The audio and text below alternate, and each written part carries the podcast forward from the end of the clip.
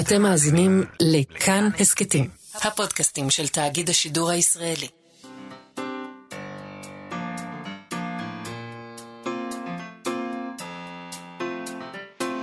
מה שכרוך עם יובל אביבי ומה יעשה לה. שלום, אנחנו מה שכרוך, מגזין הספרות היומי בכאן תרבות, מאיה סלע ויובל אביבי, 104.9 ו-105.3 FM, אתר, אפליקציה, ספוטיפיי, איפה לא, בכל מקום. אה, איתנו ילנה גולדנברג ותמיר צוברי שעושים איתנו את התוכנית. שלום לכם. שלום, מאיה סלע. שלום לך, יובל אביבי. שנת 2020 עומדת להסתיים. Thank God. נכון, מחר יום רביעי, בתוכניתנו האחרונה לשנה זו, נשדר תוכנית מיוחדת לסיכום השנה. אה, אבל גם היום אנחנו כבר בעצם מתחילים. אה, אנחנו עושים סיכום קטן עם שני אבנשטיין סיגלוב מפרויקט בן יהודה. אה, שכרגיל מציינים ב-1 בינואר את יום פקיעת זכויות היוצרים ואת צירופן של יצירות של כותבים וכותבות שזכויות היוצרים שלהם אה, פקעו לאתר של פרויקט בן יהודה. גם השנה הם יעשו את זה, אבל השנה זה מיוחד כיוון שהאתר הזה, שהמאזינים האדוקים שלנו יודעים שאנחנו מאוד אוהבים אותו, אה, חוגג 20 שנה. אנחנו נדבר איתה על פרויקט בן יהודה, על מה השתנה ב-20 השנים הללו, והאם קרה מה שהם קיוו שיקרה עם האתר הזה. אה, כל אנחנו, זאת ועוד. כן, אנחנו נדבר גם עם עידן לנדו, שתרגם את הספר העץ של ג'ון פאולס, שזה ממואר פילוסופי, כביכול על עצים וטבע, אבל בעצם גם על יחסי אב-בן, אב-בן ממשיים ואב-בן, אה, איך נקרא לזה? פיגורטיביים שלנו מול, של האדם מול תרבות המערב, פחות או יותר.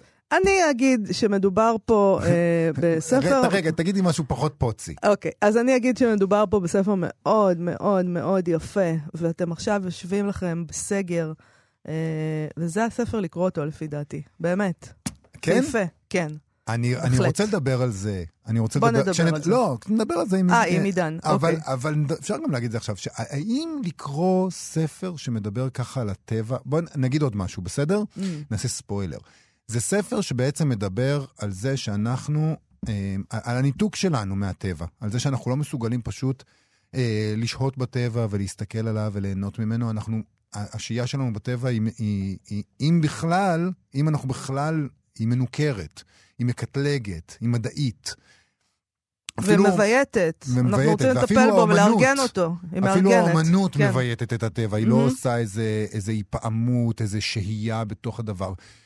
האם, אה, האם אתה, ספר כזה שאומר שבעצם אנחנו מנותקים מהטבע, שזה פגם מהותי באיך שאנחנו מתנהלים, זה מה שאנחנו צריכים לקרוא עכשיו כשאנחנו כן. סגורים בוודאי. בין ארבע הקירות? עכשיו כשאנחנו סגורים בין ארבעת ארבע... הקירות, אז אנחנו צריכים אה, להרהר. Uh, ב- ו- ולצאת עם איזה משהו, uh, איזה, איזה מחשבה uh, על המצב, uh, שהוא לא מנותק ממה שהולך בטבע, המצב, מצבנו כרגע, ואני חושבת, לכן, דווקא בגלל זה, זה ספר מושלם לקרוא בסגר. זה בעיקר ספר מאוד, אני מאוד אהבתי לקרוא אותו, זה ספר יפה. מאוד יפה. Uh, יהיה לנו עוד רעיון היום עם אלי ביטן, uh, uh, הקולגה שלנו מכאן מורשת, uh, פרשננו לענייני חרדים. ספר חדש מס, מסעיר, אני לא יודע אם זה מסעיר, נשאל אותו אם זה מסעיר את הקהילה החרדית, הוא ספר שלא מוצאים ממנו הרבה, ספר על חרדה של סופר חרדי. החרדה של החרדי. כן. ובכן, לפני כל הדבר הזה, עוד קצת אה, על הרשימה הארוכה של פרס ספיר שהתפרסמה השבוע. אה, אנחנו נדבר עליה הרבה כנראה, ואי אפשר פרס ספיר בלי שערורייה. כבר אי שערורייה! אי אפשר. כבר. מתוך 12 הכותרים שנכללים ברשימה הזאת, רק שלושה נכתבו בידי נשים. אסתר אטינגר, אדווה בולה וגיא עד. זה, זהו, זה הנשים. כל כן. השאר גברים. תשעה גברים אחרים. העובדה הזאת כמובן לא חמקה מעיניהם, מעיניהן בעיקר של אה, אה, נשות הספרות בישראל, ובכלל, וגם של קורות וכולי וכולי. בטח גם גברים שמו לב לזה, אבל בעיקר נשים. פחות אכפת לכם פשוט. אז כן, אנחנו לא רואים את הבעיה. לא רואים כן, את הבעיה. מה הבעיה? תגידו תודה, יש שלוש נשים. כן, בדיוק, מה... נתנו לכם לכתוב ספר, מה עוד אתן רוצות? נכון. פרסמו והכל. Uh, בעמוד הפייסבוק של התוכנית שלנו כתבה מגיבה, פרסמנו את, העובדה, את הרשימה הזאת בעמוד הפייסבוק שלנו, ואחת מהמגיבות כתבה, חבל שספרים מצוינים שכתבו נשים על נושאים שמעניינים נשים, פחות שחוקים, לא קיבלו מספיק ביטוי בבחירה. אחרת כתבה, גברים, גברים, ועוד גברים. אז מי שהתייחסה לעניין הזה בהרחבה היא הסופרת מגי יוצרי, שכתבה בפייסבוק, בפייסבוק תגובה על הרשימה הארוכה הזאת של פרס ספיר. אה, תגובה שדי מייצגת אה, רבות ורבים שהתייחסו בפייסבוק לרשימה הארוכה, ולכן חשבנו אה, לפחות לקרוא חלק ממנה. כן. וכך כותבת מגי יוצרי. עד כמה אני בעצבים מהכמות הזניחה של נשים המועמדות ברשימה הארוכה לספיר, ובכן, מאוד בעצבים. עד כמה אני לא מופתעת מזה? ובכן, אפס מופתעת. למה זה קורה לדעתי? כי זה הרי לא שנשים כותבות או מפרסמות פחות או ספרות פחות איכותית. ממש לא. אם תשאלו אותי, הכל טמון בקריאה. הקריאה היא יסוד כל רשע. דעתי היא שכשספר רואה אור תחת שם של גבר, הוא מיד מקבל יותר קרדיט. מיד. הוא נקרא בכובד ראש וברצינות הראויה. מחפשים בו סאבטקסט אפילו במקומות שאין. כל פוק של דמות יפורש כביקורת חדה ומושחזת על הנאו-קפיטליזם. אבל עם נשים, פונקט. כמעט כל מה שנכתוב יזכה ליחס של פטפטת רגשנית.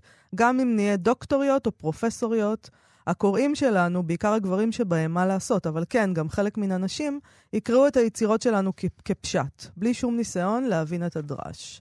אני אגיד כאן שמגי יוצר היא, גם, היא נכון שהיא סופרת, אבל היא גם דוקטור. כן. נכון? נכון. אוקיי.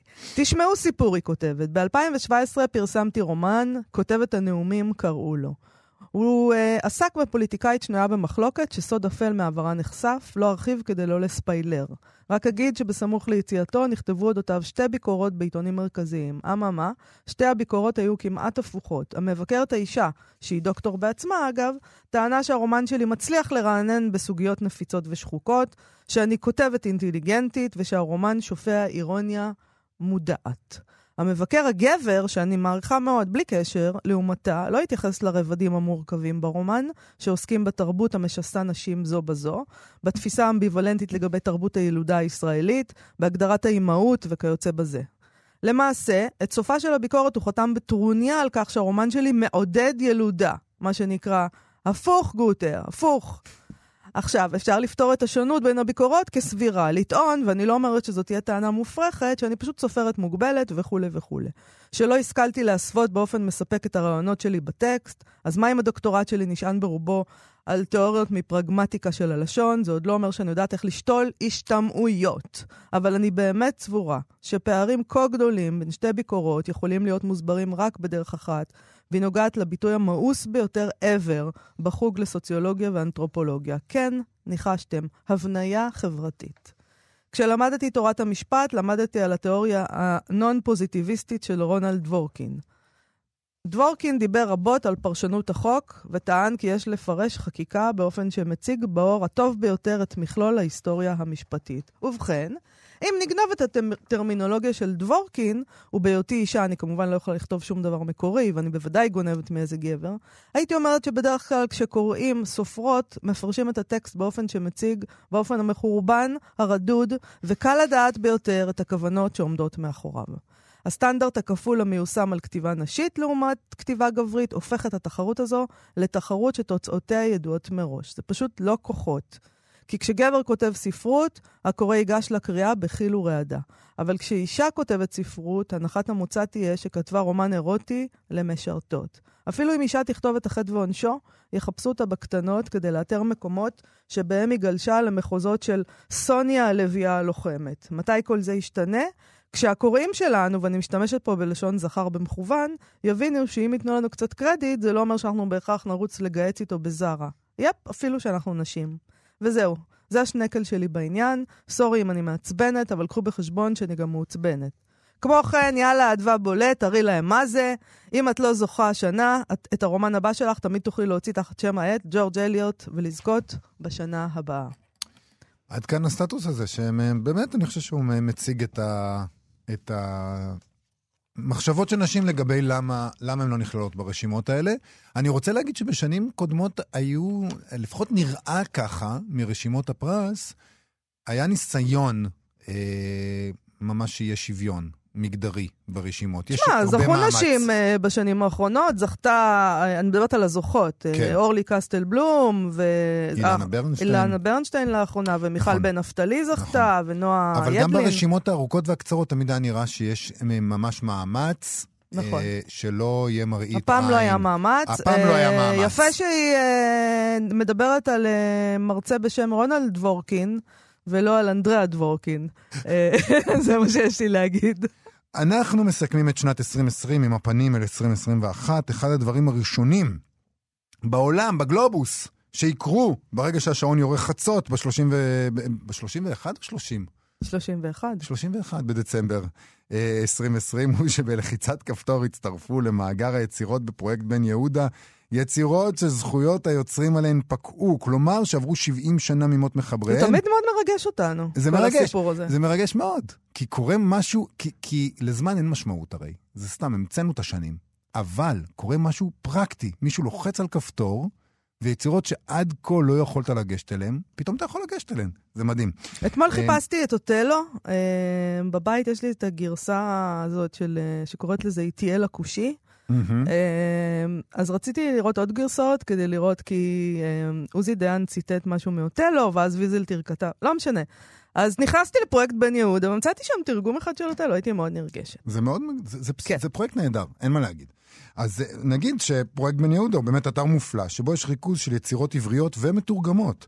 אה, שהן נגישות ברשת. פרי עבודתם של מתנדבים רבים שיושבים ומקלידים את הדבר הזה נכון. ביד ככה כמו פעם ב- ב- ב- ב- במאה ה-20. אנחנו מודים לכם על כך, באמת. מדי שנה הם חוגגים את השנה החדשה עם צירוף היצירות האלה, והשנה זה יהיה חגיגי במיוחד, כיוון שהשנה הפרויקט מציין 20 שנה להיווסדו, ואיתנו כדי לדבר על הדבר הזה, על כל הדברים האלה, שאני אבנשטיין סיגלוב, שהיא עורכת ראשית בפרויקט בן יהודה, אה, לצידו של אסף בר-טוב, והיא יו"ר העמותה למחשוב ספרות עברית.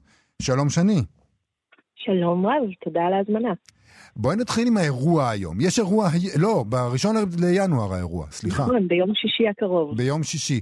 מה, אירוע וירטואלי, מה יש? מה בו? קורה שם? אז אה, ממש כמו שאמרתם, אנחנו מציינים אה, שני אירועים מאוד משמחים. אחד, אה, זה כל, כמו כל שנה בראשון בינואר, אנחנו חוגגים את מה שאנחנו קוראים לו חג קניין הציבור, או יום נחלת הכלל, היום שבו על פי חוק פוקעות זכויות יוצרים, ואנחנו יכולים פתאום לצרף למאגר יצירות חדשות שהופכות להיות שייכות לציבור. אה, השנה נחגוג ספציפית פקיעת הזכויות של אה, כתבי פניה ברגשטיין ואברהם בן יצחק, שניהם אה, משוררים, משוררת ומשורר עבריים חשובים. וחוץ מזה, אנחנו חוגגים גם אה, 20 שנה של פעילות לפרויקט. אז זה יהיה מרגש במיוחד, ויש לנו כמה מרצים אורחים שהצטרפו אלינו, פרופסור אריאל הירשפלד, פרופסור רחל אליאור, פרופסור אבשלום אליצור, ש- שיישאו דברים. וחוץ מהם, אנחנו נחגוג בין היתר בעזרת אה, אה, חגיגת תחרות ההלחנה שקיימנו השנה בתקופת הקורונה, אה, קראנו לה מילים ולחן. כן, אנחנו זה- פה דיברנו על ה- על השמענו- הדבר הזה, השמענו את הזוכה. והשמענו, נכון. אז כל הצוות הנהדר של השופטים, אחינועם מיני וגילדור, ערן צור, דורי מנור, נתן צלור, יסמין אבל ומורי נהדר, כולם השתתפו גם עם הזוכים. תהיה לנו אפילו אה, ברכה מיוחדת אה, מנשיא המדינה, ונשמע גם כמובן מצוות הפרויקט והמתנדבים. אז אני זה מבינה. שאנחנו, לפי הדברים שלך, אנחנו לא האנשים היחידים במדינה, למרות מה שחשבנו, כי אנחנו נרקסיסטים שמתרגשים מזה. שמתרגשים מפרויקט בן יהודה. נכון. תשמעי, נשיא אה, המדינה הרי אה, הוא ידוע שהוא אוהב אתכם, הוא אישר לכם להכניס אה, את כל התוכן של אביו, את כל העבודה כן, של. אביו המזרחן, נכון. לפני פקיעת זכויות היוצרים. הוא נתן לכם נכון. רשות לעשות את זה ככה בשביל, בגלל שהוא מכיר בחשיבות הפרויקט. בהחלט, יש לנו נשיא באמת אה, מיוחד במינו, והוא אה, איש ספר ותרבות, וגם אשתו, זיכרונה לברכה, הייתה אשת ספר ותרבות, והוא באמת אה, תרם לנו רשות פרסום לכת- לכתבי אביו, ובשנה שעברה אפילו זכינו באות הנשיא אה, למתנדב. אה. אה, את מרגש. קודם כל ברכות על זה, זה יפה. ומגיע לכם. ואני רוצה לשאול, האם יש לך נתונים שאת יכולה לחלוק איתנו לגבי כמה אנשים נכנסים לאתר, כמה משתמשים יש לכם? דברים כן, כאלה. בהחלט.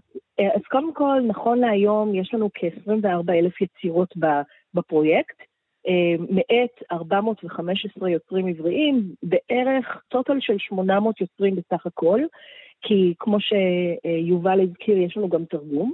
אה, ויש לנו מאות אלפי חשיפות בחודש, משתמשים מכל העולם. החל מילדים שנכנסים בגלל שהם צריכים לקרוא דברים ל... כל מיני יצירות לעבודות בבית ספר, אבל גם סטודנטים, חוקרים ופשוט אנשים מהציבור הרחב שאוהבים למצוא ורוצים להתחבר לשפה העברית. אחד הדברים הנחמדים הוא שכשאתה משוטט שם, אתה בעצם קצת כמו לשוטט בספרייה. כי נגיד, אני, אני, אני השתמשתי בכם לא מעט, בין השאר כי אה, אפשר לעשות חיפוש ביצירה. נניח שאתה רוצה מילה מסוימת ביצירות של ברנר, אתה נכנס לתוך היצירה ואתה מחפש את המילה, ולחפש בספר זה הרבה יותר קשה. ואז נכון. למשל, סתם אני נותן דוגמא את ברנר, כי אני תמיד שם הוא מחפש מילים. שם אני מחפש מילים. אתה לא היחיד, אתה לא היחיד. ואז אתה פתאום, אתה נכנס לעמוד של ברנר, ואתה מגלה את העושר הזה, כמו שהיה קורה אם היית עומד מול המדף שלו בספרייה, פתאום אתה אומר, וואו, אני לא מכיר חלק מהדברים, הוא כתב מלא. והמון המון נכון. שם, וזה נותן את החוויה הזאת של להסתכל על החברים של הספר בספרייה במדף. נכון. אתה, אתה ממש צודק, וזאת חוויה ש... באמת גם חוקרי ברנר הגדולים ביותר בארץ, אני מדברת על אה, אנשים כמו אה, פרופסור נורית גוברין למשל, שחקרה את ברנר והעמידה דורות של תלמידים שחקרו את ברנר, אומרת בדיוק את מה שאתה אומר.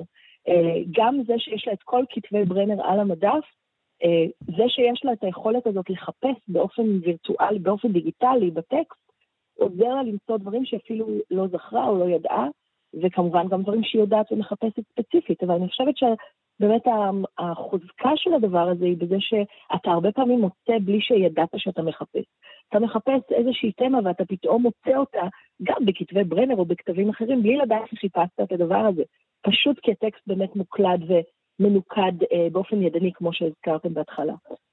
אני רוצה, לפני שאנחנו רוצים לדבר על האתר ועל העובדה שאתם אה, מציינים 20 שנה וכל מה שמשתמע מכך, אבל אנחנו לפני זה רוצים לעשות פאוזה קטנה ולקרוא שיר שייכנס בעוד מספר ימים, כשתיגמר 2020, של פניה ברגשטיין. נכון. שזה מאוד מרגש. מאוד מרגש. כן. נכון, אז uh, בחרתי לקרוא uh, שיר שלו שנקרא, אנחנו כאמור לקראת uh, שנה אזרחית חדשה, uh, וכולנו עברנו שנה לא פשוטה פה עם הקורונה, ולכן uh, בחרתי שיר מעט אופטימי, uh, שמאוד אופייני לפניה ברגשטיין, שכתבה שירה שכולנו מכירים וגדלנו עליה, כל שירת הילדים שלה. נכון. אה, אז בחרתי לקרוא את ברכה שלה, ו... והנה השיר. בבקשה. שנה חדשה פעמייך נקשיבה, מרכבתך בפתחי שערינו עולה. חלומות רננים יקדמו את פנייך, לבבות מצפים יאמרו לך תפילה. כנחי כל דמעות היגון והצער, הרניני ליבות עצבים בבשורה. שמחה לא צפויה בעיניים הציתי, ופרסי על כל בית שמי זיו ואורה. אמצינה ידי הנושאים את הטוען, בנתיבות היומיום, באבק החולין, העלים משחור רגבים, נוגה חסד, ופצי קשי עמל בחדוות יבולים. שנה חדשה, את עולה שערינו, וכפייך נוטפות מברכת הימים. אורת המחר על פנייך נוגעת, וכל הלבבות לקראתך פועמים. וואו, באמת פועמים עכשיו. יו, הלוואי שהשנה תהיה חיובית לא כמו השיר הזה. כן, נכון. הלוואי שהשנה עומדת להיות חיובית כמו השיר הזה בדיוק. אם כי אני חייב להודות שנראה לי שבחרת שיר אופטימי מדי. לא, לא, לא, לא, לא. בחרת שיר מצוין, והשנה תהיה נהדרת. בואי, תספרי לנו, כן. אבל אולי מה התוכניות לעתיד באמת. אז uh, יש לנו, uh, אני לא כל כך בטוחה מה, מה אנשים בכלל יודעים על מה אנחנו עושים היום, אז אולי אני קצת אספר בבקשה. מה אנחנו, במה אנחנו עסוקים בימים אלה. אז קודם כל, לכל, למי שאולי לא נתקל עדיין בפרויקט, יש לנו שלוש מטרות עיקריות בפרויקט. זה קודם כל שימור והנגשה של כל הספרות העברית שנכתבה אי פעם, וגם חשיפה שלה לקהלים חדשים, כלומר לא מספיק לעשות את השימור הדיגיטלי, אלא צריך גם לעזור לטקסטים האלה למצוא אה, קהל חדש וגם צעיר יותר של קוראים, אז אנחנו עוסקים בכל זה. ולא רק שעשינו, אה, ואנחנו משיגים את המטרות האלה אחרי 20 שנה, יובל ב, אה, שאל אותי ב, ככה בהכנה לתוכנית, אם אנחנו חושבים שעלינו על ה... אם מילאנו את הציפיות של עצמנו, אם ענינו על הצורך ש... בגללו הקמנו את הפרויקט, אז מבחינתנו מאוד כן. ויש לנו גם כמה הישגים מיוחדים שאנחנו ממשיכים לעסוק בהם, חוץ מהנגשת יצירות שכבר פגו תוקף זכויות היוצרים עליהם. אז קודם כל, אחד מהם זה כינוס יצירות שלא כונסו מעולם, שזה דבר מאוד מרגש שקורה. כמו למשל אה, בכתבי רגלסון, אוקיי? Mm-hmm. שיוצרים מסוימים כותבים או פרסמו בכל מיני כתבי עת שמפוזרים, ואנחנו עוזרים לכנס את היצירות האלה בפעם הראשונה. אה, זה ממש משנה את פני המחקר, ממש ברמה הזאת. אז אה, זה הישג מיוחד אחד. הישג שני הוא הוצאה לאור מתוך עזבונות, שזה גם אה, דבר סופר מרגש כשהוא קורה. ממש לפרסם דברים שלא פורסמו בחיי אותם יוצרים, אבל היו מוכנים לפרסום, והתכוונו לפרסם אותם.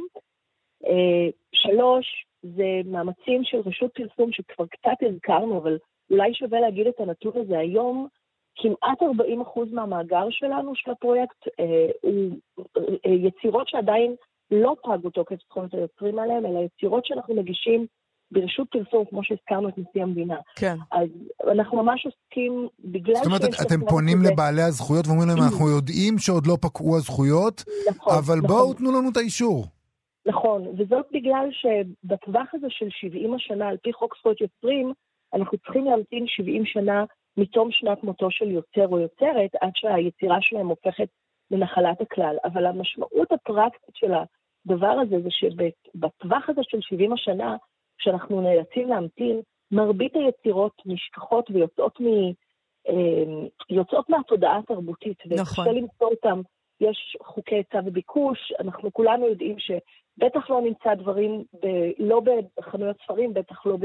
גם לא בני 20 שנה או 30 שנה נכון, בחיים לא נמצא. נכון, בדיוק, בדיוק. ולכן לכן אנחנו עושים כאלה מאמצים לרשות פרסום, כי מבחינתנו זה דרך להנגיש ולהחזיר למחזור הדם של התרבות את אותם טקסטים שאחרת נעלמים בתווך הזה. מה, מה עם תקציבים? יש לכם משרד התרבות תומך בכם? איך זה עובד הדבר הזה? ערימות של מזומנים אה, נופלים עליכם כל הזמן? אה, לא. אז רגע לפני שאני אזכיר את משרד התרבות, אני רוצה להזכיר עוד שני דברים חשובים שאנחנו עושים, אם, אם תרשו לי. כן. אחד, זה העלאה של יצירות יתומות, זה משהו שאנשים לא כל כך מודעים אליו, אבל יש יצירות שאנחנו פשוט לא יודעים אה, מי בעלי הזכויות שלהם, והודות לשינוי חשוב בחוק, אנחנו סוף סוף יכולים להנגיש יצירות יתומות. כך למשל אה, אה, העלינו את הנסיך הקטן של אנטואן דה סנט אקזופרי. בתרגום לרנר, שיש בעיה, הייתה בעיה קשה לה, לה, להבין מי בעלי הזכויות על היצירה שלו, אז uh, עכשיו אנחנו יכולים להנגיש אותו בשמחה ובששון. והדבר החמישי והחשוב הוא uh, פיתוח של כל מיני כלים טכנולוגיים, uh, כמו למשל המקראות שיצרנו ממש השנה עבור אנשי חינוך, מה שמאפשר לציבור הרחב לאצור, uh, לעשות מין מקבצים כאלה של טקסטים מתוך ה... מתוך כל המאגר שלנו לצורכי חינוך, הוראה ואפילו... פנטסטי. זה כן, יותר כן, מדהים כן. ממה שחשבתי. והכל בהתנדבות. הכל בהתנדבות. אני גם אגיד שאנחנו היום... זה נשמע כמו משרה מלאה תכלס. אין לכם מושג. זה לגמרי נכון, והאמת שיש בשנתיים האחרונות פריחה מיוחדת של הפרויקט בזכות זה שבפעם הראשונה אה, מזה 20 שנה יש לנו עובדת. ראשונה, mm. בזכות מענק מיוחד שקיבלנו, בזכות כסף וגיוס כספים. אז uh, אני אזכיר עוד שני דברים גדולים שאנחנו רוצים uh, לעבוד עליהם, אפרופו uh, מאיה, השאלה שלך על התוכניות העתידיות שלנו. כן. אחד, יש אפילו שלושה דברים. אחד, יש לנו פרויקט מאוד מרגש בעיניי לפחות, של כינוס כל העיתונות ההיסטורית, כל, ה, כל אותם... כל אותם אנשים שבאמת כתבו באופן ספורדי פה ושם, והכתבים מעולם לא קובצו, אז יש עכשיו אה, פרויקט בן יהודה עוזר יחד עם הספרייה הלאומית, מדעי הרוח הדיגיטליים, בקיצור כמה גופים רציניים ב- ב- בתחום, כולנו עובדים יחד כדי לעשות פרויקט יפה ולהעלות את כל הכתבים האלה, לכנס אותם ולהגיש אותם לציבור, אז זה דבר אחד שאנחנו עובדים עליו. דבר שני, זה יש לנו פרויקט מו"לים יפה מאוד, שעכשיו אמנם קצת בפאוזה בגלל הקורונה, ואנחנו מצפים מאוד שהוא יחזור אה, אה, ויפרח, והמטרה היא באמת להצליח להנגיש את כל ה-Backlist של, של, של מו"לים עבריים פה בארץ, אותן יצירות ששייכות לרשימה, אה, לרשימות הספרים, אבל כבר לא מודפסות כי זה לא כלכלי, ואנחנו עובדים עם כל מיני מו"לים כדי להנגיש את הפרטים, את היצירות האלה לציבור. אנחנו עושים את אותו דבר עכשיו עם כל מיני כתבי עת, וזה יהיה משהו שיקרה בשנה הקרובה. ופיתוח טכנולוגי חמוד לשנה, לשנה, לכמה שנים הקרובות שאנחנו נעבוד עליו, זה פיתוח של אה, מה שנקרא מערכת של micro-contribution, זה תרומות קטנות כאלה, שהציבור יוכל לעשות mm. כדי לתרום לפרויקט.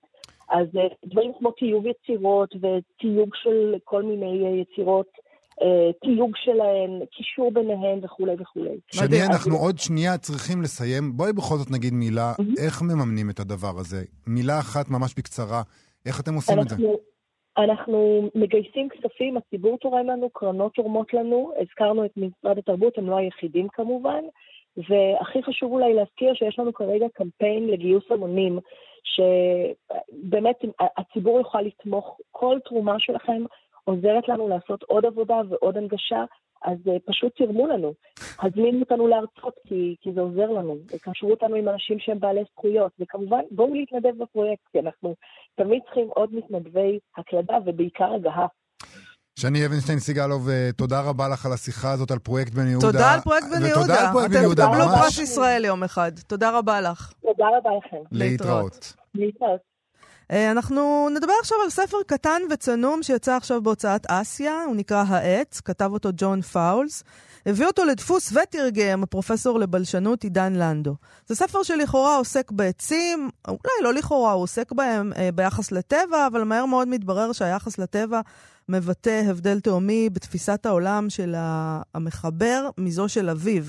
אה, ההבדל אה, שהתגלה בעוצמה בין השאר בגלל היטלר ומלחמת העולם השנייה, אה, וגם המשבר הזה בין אב לבן מתגלה בעצמו כסמל למשבר דורי עם תרבות המערב כולה. ספר מאוד מאוד מעודן, מאוד מאוד יפה. אמרתי בדברי הפתיחה שלי גם, הוא מתאים בול לסגר השלישי. אנחנו תכף נשאל את עידן לנדו אם זה מתאים. כדי לדבר על כל זה באמת איתנו, מתרגם הספר, פרופסור עידן לנדו, שלום לך. שלום לכם. אה, אז, אז אולי נתחיל בג'ון פאולס, בוא נספר לנו עליו קצת. אה, פאולס הוא, הוא סופר בריטי מאוד ידוע. אה, האמת שעד שתרגמתי את הספר הזה הוא באמת לא היה כל כך על הרדאר שלי כאחד מהגדולים. וגם הספר הזה הוא די שונה מהספרות הבדיונית שלו שמוכרת לנו יותר. הוא יותר יותר, הוא יותר משוייך למה שנקרא הספרות הפוסט-מודרנית, הפוסט-מלחמתית אירופה. סופר מאוד מתוחכם, מאוד משכיל, אה, יודע המון על, ה, על ההיסטוריה התרבותית והספרותית של אנגליה ו, ושל אירופה, עם אה, אלוזיות למרקס ול, ולפרויד ולדרווין ולמי שזה לא יהיה בכל הספרים. וזה מפתיע, כיוון שהוא בעצם אומר... שידע, בספר הזה, הוא אומר שידע זה לא הדבר שהכי חשוב לאומן. כן, כן, זאת אומרת, יש, יש כנראה את ה... אה, זו באמת שאלה מעניינת, אני לא... אולי לא האיש אה, לענות עליה, איך, איך כל זה מתיישב ב, באיש אחד. זה בכל זאת, ב, עם כל מה שאמרתי עליו, על כל התחכום של הכתיבה שלו, זה איש שהיה די uh, מתבודד, ואת רוב חייו uh, בילה, ב, רוב חייו הוא התגורר בעיירה קטנטנה של פחות משלושת אלפים איש ב, על החוף הדרומי של אנגליה. אה, בצעירותו הוא היה באיזשהו אי יווני ששימש לו השראה לספר משחק האל. הוא לא כל כך אהב את, ה, את, ה, את הסביבה האורבנית המתוחכמת, והוא באמת חי הרבה מאוד מחייו אה, באזורים אה, כפריים. אז מה קורה בעצם בספר הזה? הספר הזה מתחיל אה, עם עצים ועם אה, תיאור בעצם של, זה נשמע מצחיק, כן? להגיד שלמחבר ולאביו היה הבדל תהומי ביחס שלהם לעצים. זה בעצם, אבל זאת כן. האמת. כן, הספר מתחיל בתיאור של עצי הגס ועצי תפוח, ואתה לא כל כך יודע לאן הוא הולך עם זה, זה נשמע לך בהתחלה איזשהו, איזשהו מחלוקת אה, בין אה, גננים, משהו קטנוני כזה.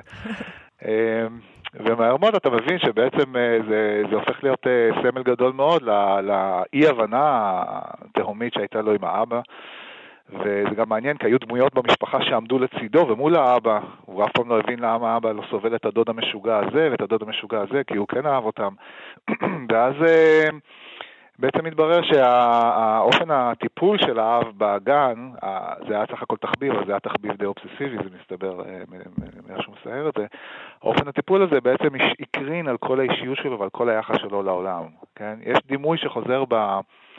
בספר, שזה בעצם איזשהו מיתוס נוצרי יסודי של הגן הנעול, קורטוס אנקלוסוס, שזה גם תמה באומנות, וזה גם, הוא, הוא לוקח את זה באמת ל, ל, ל, לתפיסה הזאת של האבא, שהגן צריך להיות סגור, הגן צריך להיות מטופח, צריך להיות מגודר, צריך להיות מאוד מאוד שמור ו... ממושטר, וזה סוג של, כן, סוג של אה, אה, חומה מפני הכאוס ששם בחוץ. ומה שקרה בעצם זה שבמלחמת העולם השנייה, אה, המחבר, ג'ון פאולס, כילד, כמו נשלח, הרבה ילדים, כן. נשלח כן. לאזור הכפרי, ושם הוא גילה פתאום את הטבע כן. הבלתי מבוית, הפראי, ו- ולמרבה צערו, אחרי שנה, כשהמלחמה הסתיימה, החזירו אותו כן. אל העיר. אבא שלו החליט לחזור. והוא לא סלח לו על זה אף פעם. כן, ו... לא סלח לו. וכל המשפחה נאלצה לעזור, והאבא מאוד לא אהב את כל הסביבה הזאת, אה, הוא גם מתאר אה, יפה את כל הדיסאוריינטציה החברתית, זו חברה מאוד מעמדית, הרבה מאוד דקויות של, אה, של מבטא, של מוצא, הוא בעצם משפחה יהודית אגב, הוא גם מדבר על זה ככה ב, ב, בדרך אגב, על היחס, היחס החשדני של היהדות כלפי הטבע. גם זה היה שם. אה, היו שם כל מיני עניינים, גם מעמדיים וגם אה, גיאוגרפיים, שגרמו לאבא, ממש אה, היה לו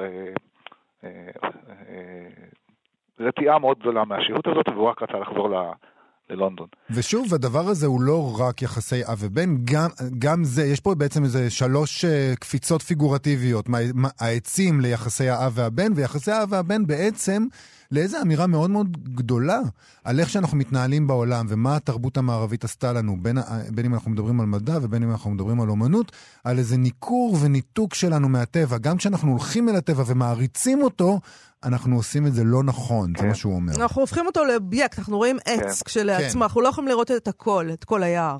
זה, ש... זה קטע נורא יפה, יפה. שכשהוא כותב שם, כשאתה הולך ביער, אתה לא יכול לראות את הגבולות של עץ אחד, זה אחת השורות היפות בספר בעיניי, כן. זה נורא יפה. כן, כן. הוא גם מתאר את זה יפה, איך, את הצמיחה האישית שלו, בעצם היה לו איזשהו תהליך התנתקות די ארוך.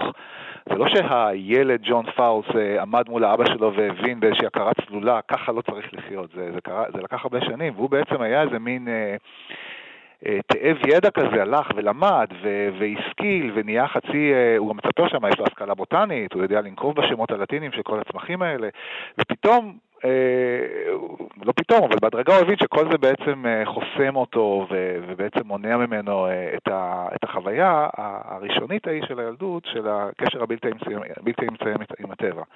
וחלק גדול מהספר בעצם זה איזה סוג של חשבון נפש, כבר לא אישי, אלא תרבותי, עם כל התרבות הזאת שמנחילה לנו את הידיעה גם המדעית וגם האומנותית, איך לייצג דברים, איך לצייר דברים, איך לראות דברים.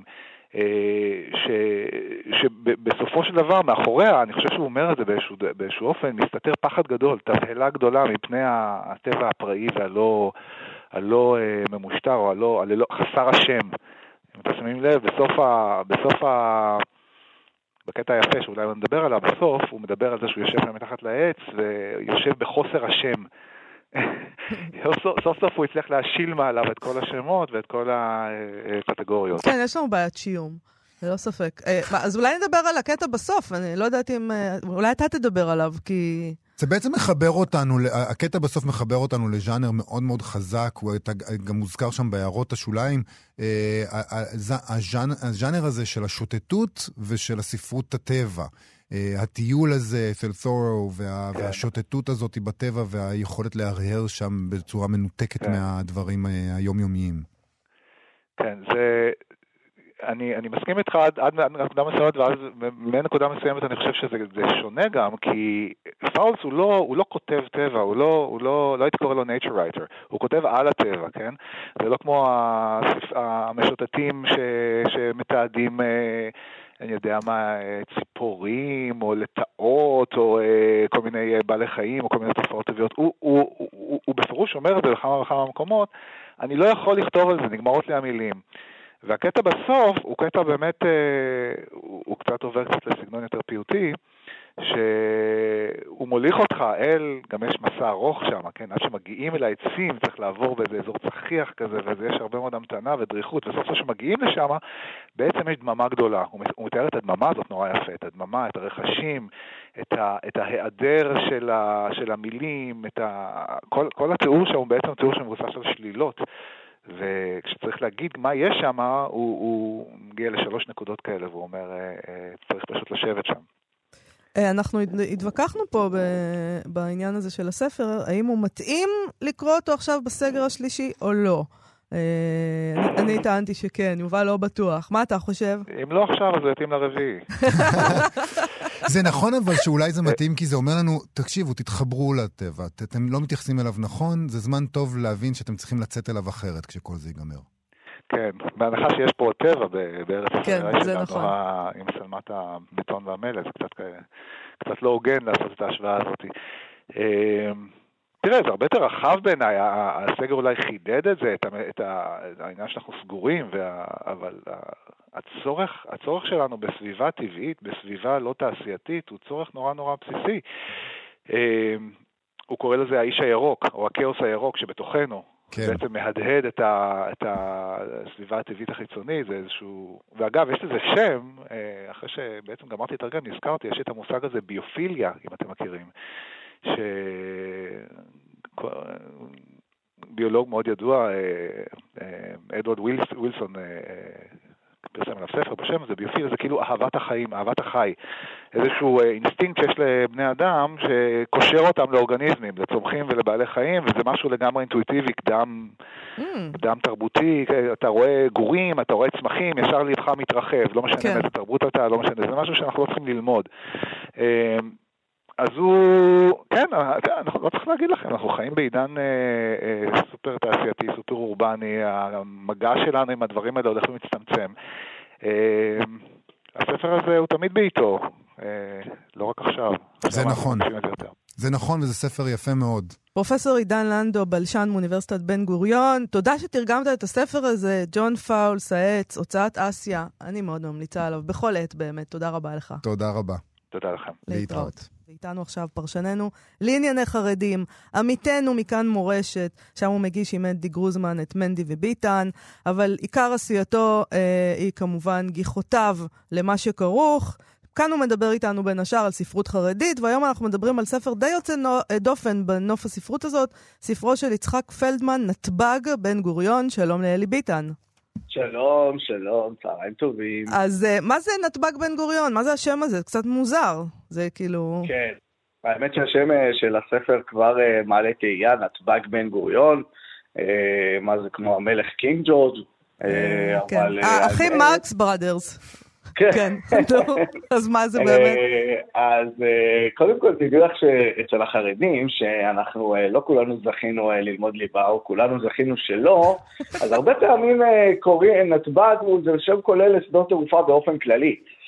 בכל העולם, אה, אוקיי. בכל העולם יש נתב"ג היטרו, יש נתב"ג קנדי, אז יש את הנתב"ג שלנו, זה נתב"ג בן גוריון. אני חושב ש... משם הגיע המינוח של הספר, okay. אוקיי. השם של הספר, אה, שזה כבר מתחיל בקריצה, והספר באמת מלא בהומור, אה, הומור חרדי כזה, הומור פנימי, אבל פשוט להתגלגל מצחוק. רגע, זה רומן? אנחנו בעצם מדברים פה על רומן?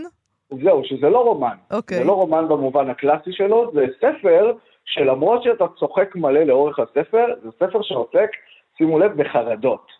אוקיי. אה, בחרדות. אה, הכותב, הסופר, איצו פלדמן, שהוא עיתונאי אה, בעיתון בקהילה, והוא סופר חרדי ותיק, הוא סופר. סופר חרדי זה לפעמים מינוח לעיתונאי שכותב טורי דעה, סופרנו. סופר סופר הארץ, גם היו פעם כותבים, כן. כן. אז, אז הוא כזה סופר ותיק, והוא כותב ספר אישי על החרדות שלו, שהוא מגלה אותם באמת בשנות ה-20 המאוחרות, תחילת שנות ה-30, הוא מגלה אותם בפתע פתאום, הוא, הוא, הוא, מבין, הוא חושב שהוא היחיד בעולם שזה קורה לו, אה, שזה מאוד מאוד אופייני אה, בחברה החרדית, ואז הוא, הוא יוצא לאיזשהו מסע חיפוש סביב זה, תוך כדי שהוא טס בכל העולם, אוהב לטוס, שזה גם משהו שחרדים לא היו רגילים לעשות הרבה מאוד שנים. עכשיו, צריך לדבר על האירוע הזה, כי מעבר לספר שהוא ספר מדהים, המהדורה הראשונה שלו כבר אה, חוסלה תוך שבוע, וזה בעצם, זה נהיה אירוע ספרותי. אה, אה, יש כאן משהו מאוד מאוד יוצא דופן בנוף הספרות החרדית, שספרות חרדית, צריך להגיד, היא, היא, היא עדיין לא הגיעה לשיאה, זאת אומרת, היא רק גדלה וגדלה. אם, אם בספרות שאינה חרדית יש הצטמצמות, אנשים קוראים פחות, קונים פחות ספרים, בחברה החרדית שמטבע הדברים פחות נגישה לאינטרנט, וגם שיש בה יממה וחצי כל שבוע אה, שבה אי אפשר בכלל לגשת לאמצעים אלקטרוניים, ספרות היא דבר ספרים, ספרים כמו, כמו שהם ספרים, זה עדיין מוצר אה, סופר סופר חשוב ומשמעותי, אבל הספרות החרדית היא קצת, אה, הייתי אומר, עדיין לא התבגרה מספיק. זאת אומרת, רוב הספרים החרדים, גם הרומנים החרדים, גם ספרי המתח, הם בשלב מאוד מאוד בוסרי. אה, דיברנו על זה בעבר, יש מה שמותר לכתוב, יש מה שאסור לכתוב. כן, יש קודים, צריך להיות, זה ספרות נגיד חרדות, זה נשמע לי כמו משהו שאתה לא אמור לכתוב עליו. ברור, ברור שאתה לא אמור לכתוב עליו, בטח ובטח כשהרבה מהחרדות נובעות מאורח החיים ומה, ומהעובדה שאתה מתמודד לא רק עם אה, מה שאתה רוצה מול מה שאתה יכול, אה, אתה מתמודד עם קודקס מאוד מאוד תובעני של חוקים, ושל אה, מצפון אישי באיזשהו שלב, אחרי שאתה או, או, או מסיים עם הישיבה, המצפון הוא אישי, אתה המשגיח של עצמך, ו, והרבה פעמים זה לוקח זה אותך מרג... למקום של חרדה, וזה משהו שאסור לדבר עליו כביכול. אתה מרגיש שהספר הזה הוא איזשהו, אה, אה, מסמן איזו התבגרות של הספרות החרדית? אה, הלוואי, אה, הלוואי, אני מרגיש שהוא לגמרי, אתה יודע מה, אולי לא רק הספר הזה כמו ההתקבלות שלו, וכמו השיח שהוא מעורר, וכמו העובדה שאפילו הממסד אה, מחבק אותו אה, וזורם איתו, אה, את פלדמן כבר מזמינים לדבר עם מחנכים ועם אנשי מקצוע, שיספר באמת, באמת רגע אחד על החוויה הזאת. פנטסטי, אני, הייתי, אני, אני חשבתי שאתה תגיד שהוא חוטף. כן. וואי, אז, אז זהו, שאפילו אני, כשהייתי, הבנתי על מה, על מה הוא הולך להוציא ספר, ותבינו שהספר הזה יוצא בהוצאת ספרים, שזו פעם ראשונה שהיא מוציאה ספר שאינו תורני. Mm. זאת אומרת, כל הספרים שיוצאים, שיצאו עד היום בהוצאה הזאת הם בכלל ספרים תורניים, ו- ותהליך האישור של הספר עובר רבנים שקוראים אותו, ו- והם צריכים להגיד אם, אם זה סבבה. והם בעצמם, לא רק שהם אומרים שזה סבבה, הם פשוט פתאום אומרים, רגע, אני מוצא פה את עצמי. יש איזה ראש ישיבה, ראש ישיבה גדול, שפשוט קרא את הספר, התקשר, התקשר לסופר, והוא מספר את זה בריאיון, והוא אומר, ואומר, תקשיב, אני, אני כל החיים שלי בשביל התלמידים ובשביל הסביבה, ופתאום קלטתי איפה אני בסיפור. עכשיו, זה לא, זה, זה, זה גם החיבוק הזה, זה גם העניין הרב שזה מעורר, ו, ואולי באמת איזושהי אמירה, אתה יודע, על חברה חרדית אחרת, שהיום יודעת, כן, אנחנו בני אדם ולא תמיד הספרים צריכים להיות סיפורי הצלחה. והספרים החרדים בדרך כלל סיפורי הצלחה, איך הרב הזה הצליח, ואיך הוא נולד כבר שלם, ערכי, והוא רק היה צריך להשיג עוד ועוד מטרות, שככה נראית ספרות חרדית, אפילו, אפילו ספרות בדיונית חרדית, היא בעצם... רגע, אבל לא היו מתנגדים? לא היו כאלה שאמרו, טפו? אין, ביהודים אין מתנגדים, תגיד, יכול להיות דבר כזה. אז תתפלאו, תראו, יכול להיות שבעקבות השיחה שלנו עכשיו פתאום התעוררו מתנגדים, אה, שמאזינים למה שכרוך כדי לדעת מה קורה מעבר לקווי האויב, הם יגידו, רגע, רגע, אם שם, אה, במה שכרוך, אה, אה, אומרים שזה טוב, רגע, בוא נקרא שוב, קריאה חוזרת וביקורתית, זה לגמרי, לגמרי יכול להיות, אבל לא, אני חושב שלא, אני חושב שגם עבר משהו שונה, נגיד, ברמת ההיסטוריה, אני חושב שהוא התחיל, וחלק בספר הוא גם מספר על זה, הוא התחיל לכתוב טורים בעיתון על תהליך הגמילה שלו מעישון. היה מעשן כבד, משהו שהוא סופר סטנדרטי אצל אה, גברים חרדים, בטח בגיל הישיבה וגם אחר כך. אפשר להגיד שגברים חרדים פשוט מעשנים המון, בכמויות בכמויות, שזה עוד ביטוי אגב, ללחץ האדיר, הנפשי האדיר ש... שהרבה מאיתנו נמצאים בו, כן. בטח בגילאים האלה, ובטח בגילאים שההורמונים סוערים ודברים כאלה. זה לא בספר, ההורמונים לא בספר, אבל, אה, אבל, אה, אבל הוא, הוא פשוט תיאר את תהליך הגמילה שלו מעישון לאורך יותר משנה, מעל דפי העיתון, וכבר שהוא עשה את זה, זה היה סנסציה. זאת אומרת, גבר שכותב בגוף ראשון על החיבוטים שלו ועל הקשיים שלו ועל ההתמודדויות שלו, זה כבר משהו שלא היה. זה כבר היה איזשהו אה, אה, אה, משהו, אני חושב, עם, עם, עם החן שלו והכתיבה שלו וה, והקריצה שהוא תמיד משתמש בה, אה, אז, אז, אז זה עבר. כאילו, הרבה, הרבה פעמים דברים שלא עוברים באופן רציני, עוברים כשזה באופן צוחק כזה עם הומור עצמי, וזה, יש, יש, אה, אני חושב שיש בחברה החרדית, יש איזו חיבה לעניין הזה של הומור, זה קיים העניין הזה של הומור. אה, אה, אלי, אני- אני רוצה לשאול אה, לסיום, אה, איך משיגים את הספר הזה? כי נשמע לי שאני גם רוצה לקרוא אותו. לגמרי. כן, האמת יצחק שאתם עושים- פלדמן, נתב"ג בן גוריון, קודם כל נגיד. יצחק. פלדמן אה, נתב"ג בן גוריון, הכינוי שלו זה ייצוא, אבל אה, אפשר, אפשר לקנות את זה באינטרנט ואז לקבל את זה במשלוח עד הבית. אני חושב- עכשיו, המהדורה השנייה שבאמת אה, אה, יוצאת בימים האלה, היא אולי תופץ לראשונה לחנויות הספרים הלא חרדיות. Mm, אה, שהם אבל, ייפתחו, כמובן. כשהם ייפתחו, כשהם ייפתחו, כשיהיה אפשר באמת להגיע. וזהו, אם, יהיה, אם זה באמת, אתה יודע, גם יפרוט את גבולות המגזר החרדי ו- ויהפוך לאירוע מעניין, תשמעי, זה זה, זה, זה יהיה כיף, זה יהיה דבר שאנחנו אוהבים לראות. כי זה ספר מצד אחד מאוד חרדי, מצד שני גם הקוראים הלא חרדים. כיף. גם לנו יש בחרדות. חרדות, כן. אנחנו בחרדות כל הזמן, שמישהו יסביר לי. אתם חרדים, מה יהיה עם הגיהנום שלכם? בדיוק. אנחנו במערכת מה שכרוך אה, מתכוונים לקרוא את הספר הזה, זה מה שאני אני יכולה להגיד שמח לך. שמצאנו משהו שמאחד בין. חרדים לחילונים, לחובשי יפה כיפה. סרוגה, כולנו כל. הזמן חרדים. נכון. אלי ביטן. תודה רבה לך על השיחה הזאת. תודה לכם. להתראות. אנחנו אה, עם הדבר הזה, עם האושר הזה, שמצאנו סוף סוף מכנה משותף, צריכים אה, לסיים. נגיד שוב תודה לילנה גולדנברג ולתמיר צוברי שעשו איתנו את התוכנית, ונזמין אתכם ואתכן לעמוד הפייסבוק שלנו ולעמוד הפייסבוק של כאן תרבות. נזכיר שמחר תוכנית סיכום. תוכנית סיכום שנה מיוחדת. אנחנו, אנחנו אה, נהיה בעד פה זה. מחר בחגיגת סוף השנה. להתראות. להתראות. כאן הסכתים, הפודקאסטים של תאגיד השידור הישראלי.